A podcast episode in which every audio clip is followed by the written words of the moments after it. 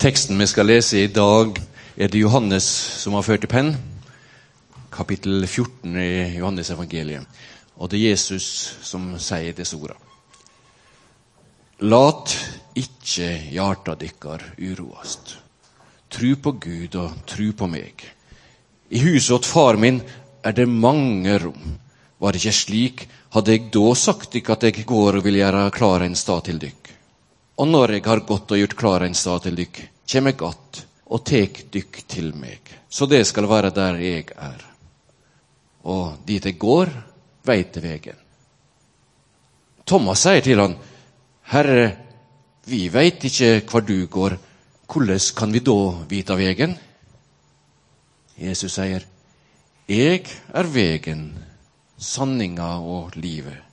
Ingen kjem til Far uten gjennom meg.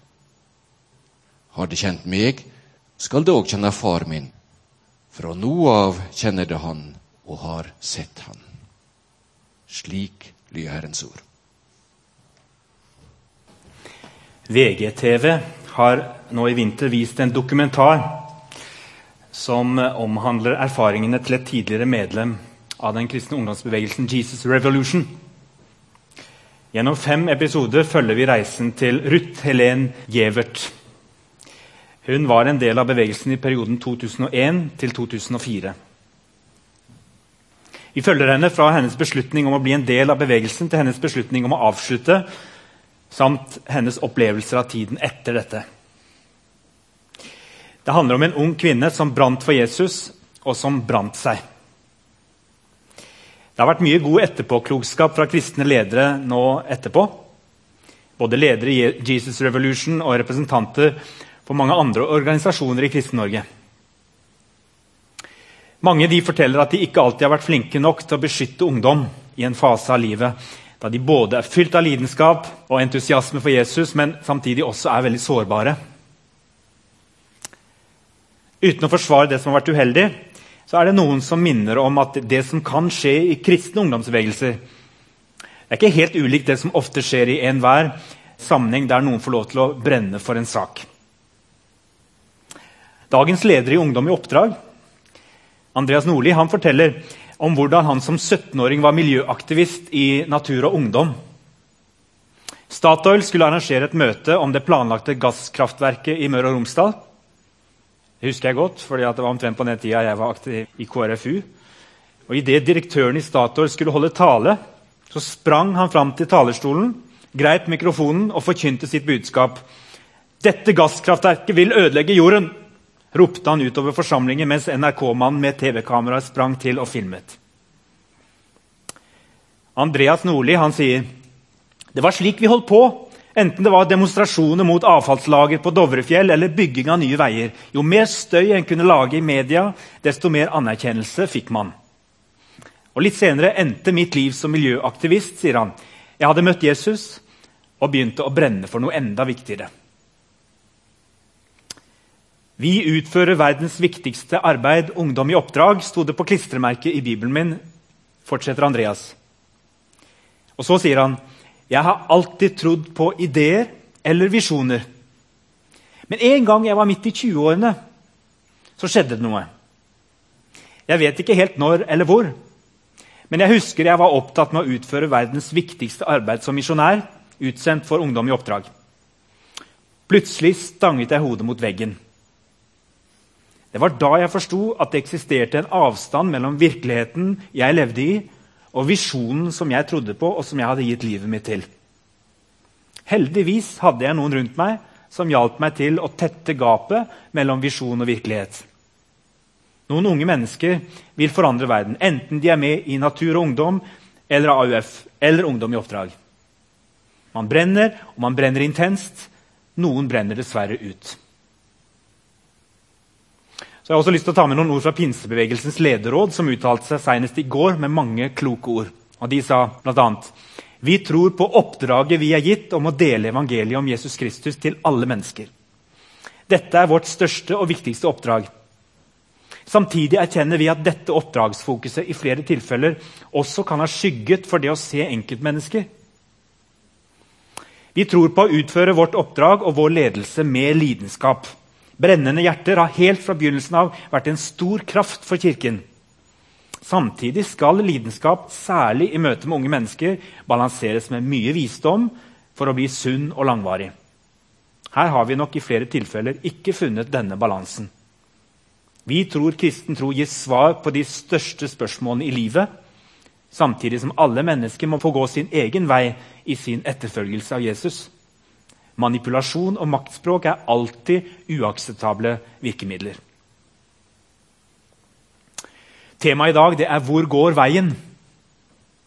Og En av hovedpersonene i dagens tekst er en ung disippel ved navn Thomas. Han har egentlig bare en birolle i denne teksten fra Johannes 14. Den skal vi komme tilbake til om et kort øyeblikk. Men i kapittel 20, etter Jesu døde oppstandelse, da spiller Thomas hovedrollen i dramaet. Da er det han som ikke lenger klarer å tro. Selv om de andre forteller at de har sett Jesus igjen, lys levende, og fra å være en brennende etterfølger av Jesus så stenger Thomas seg inne for seg selv. Han orker ikke engang å være sammen med de andre vennene. Heldigvis så hadde han noen veldig tålmodige venner, tenker jeg, akkurat som Andreas Nordli. De hjalp han tilbake i fellesskapet. De hjalp han til å orientere seg på nytt når den logiske og klare veien han hadde gitt livet sitt for, var blitt borte. I fellesskapet så får han møte Jesus igjen. En annerledes Jesus enn den han hadde kjent, og likevel den samme. Han var ikke et spøkelse, men fortsatt et menneske av kjøtt og blod. Og Samtidig var han Gud. Kom med fingeren din. Se, her er hendene mine, sier Jesus til ham. Kom med hånden, stikk den i siden min, og vær ikke vantro, men levende. Jesus tok Thomas på ramme alvor i sin tvil. Og Samtidig sa han, 'Salige er de som ikke ser og likevel tror'. Med de ordene oppfordret han Thomas og oss alle til å ikke tro på tvilen, selv om vi av og til kan tvile på troen. Vi skal ikke opphøye tvilen og skepsisen til det siste stoppestedet og det som får lov til å definere blikket vårt, livsveien vår. Det er litt mote i dag å liksom stoppe opp med tvilen og si at det er det som er det viktigste. og si at måte, alt, alt, går. Her må vi være åpne for alle mulige slags veier. Og så dyrker vi på en måte tvilen.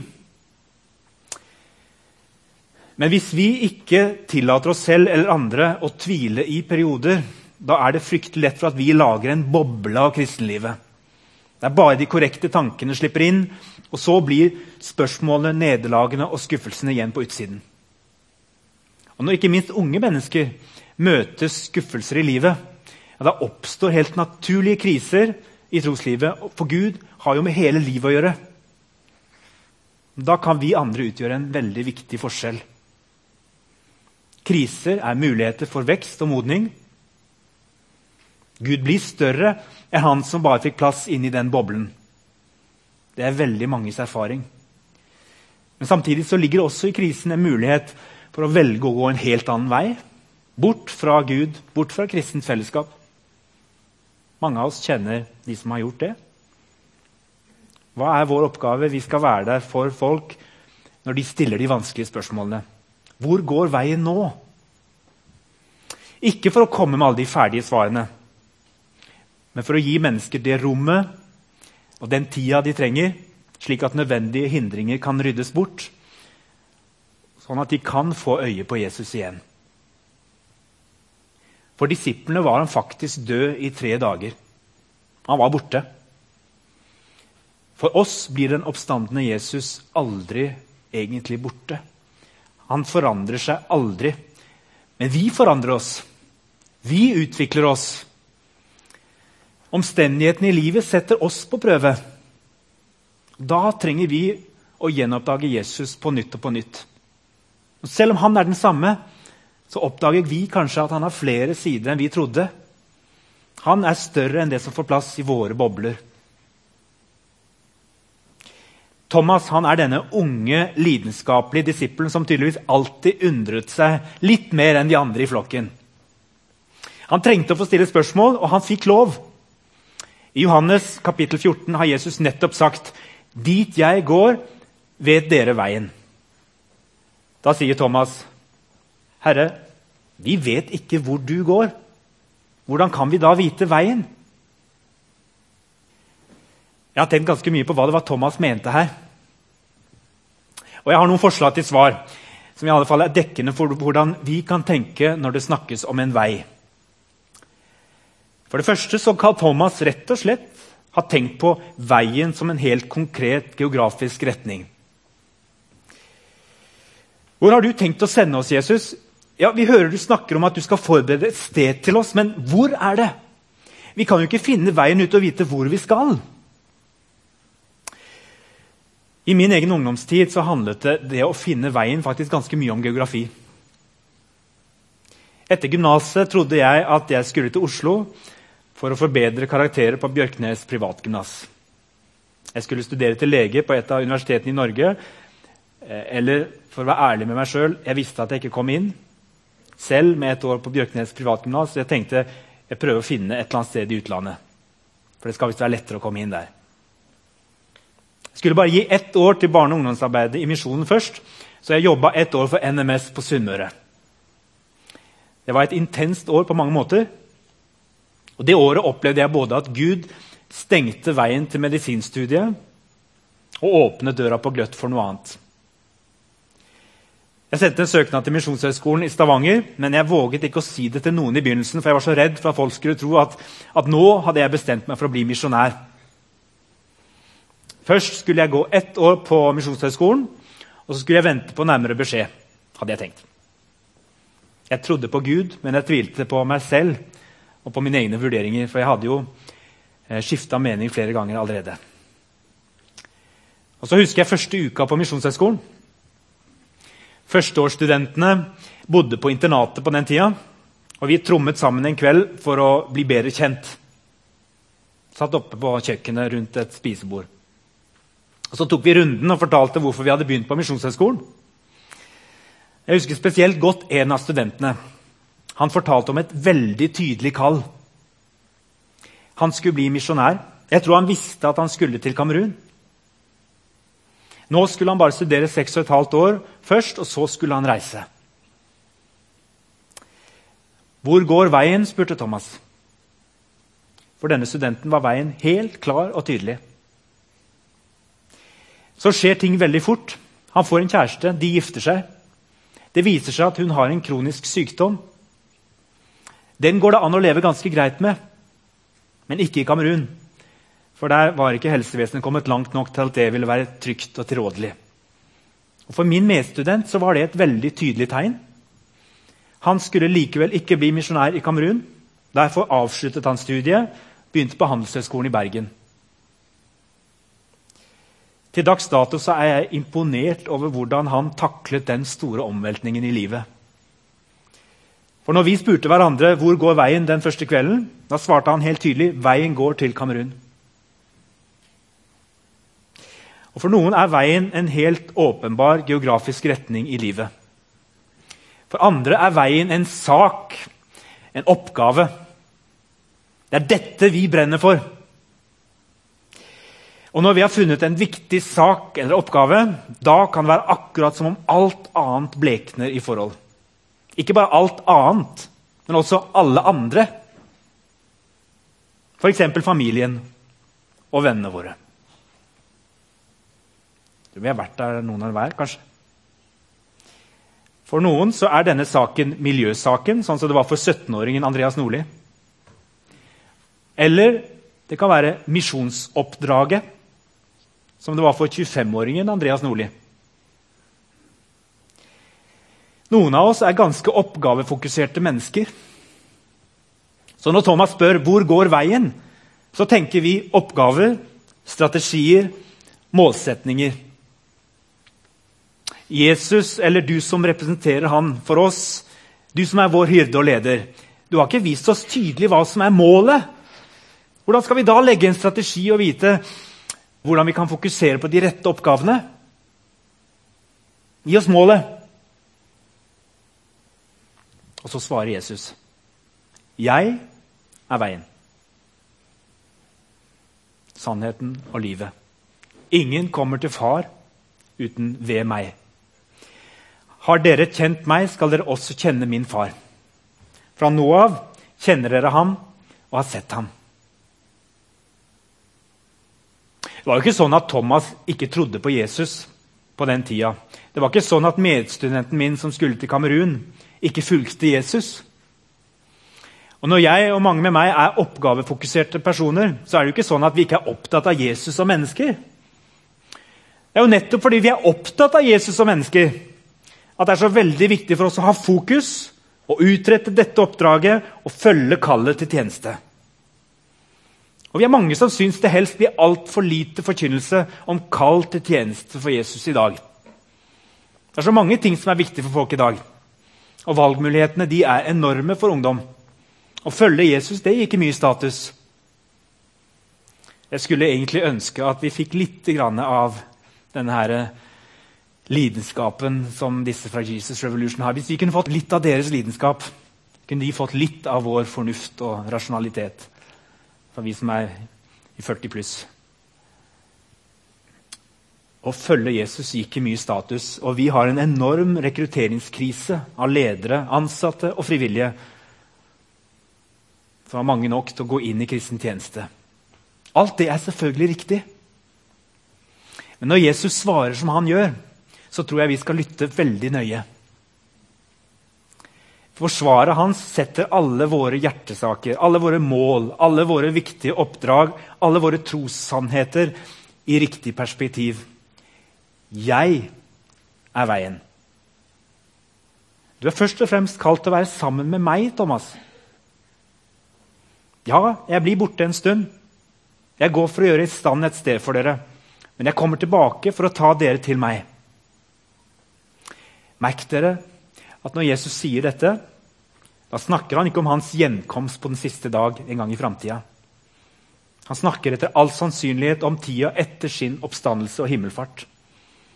Når Den hellige ånd og Jesus skal være hos dem alltid, uansett hvor de befinner seg, uansett hvilken livsfase de er i. Derfor gjelder dette for oss nå. Jeg har gått og gjort i stand et sted for dere da jeg døde for deres skyld. Nå er jeg tilbake for å ta dere til meg, så dere skal være der jeg er. Og dit jeg går, vet dere veien. Men Herre, vi vet ikke hvor du går. Nei, alle detaljer om hvor vi skal gå, trenger dere ikke å vite. Jeg skal åpne veien for dere, skritt for skritt, og gi dere det lys dere behøver. Det har jeg alltid gjort. Dere behøver ikke å tvile. For Den hellige ånd skal gi dere alt dere behøver underveis for å finne retningen. Men salige er de som ikke ser og likevel tror. De som stoler på at jeg er veien.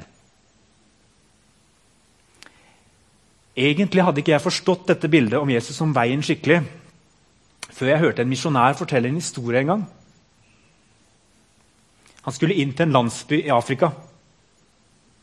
Plutselig reiste det seg en skog foran dem, og stien de gikk på, ble borte. Hvor går veien nå? spurte misjonæren den lokale kjentmannen. Da bare smilte han og begynte å gå innover i skogen, mens misjonæren fulgte tett etter. Den lokale kjentmannen visste nøyaktig hvor han skulle gå. Det var han som var veien.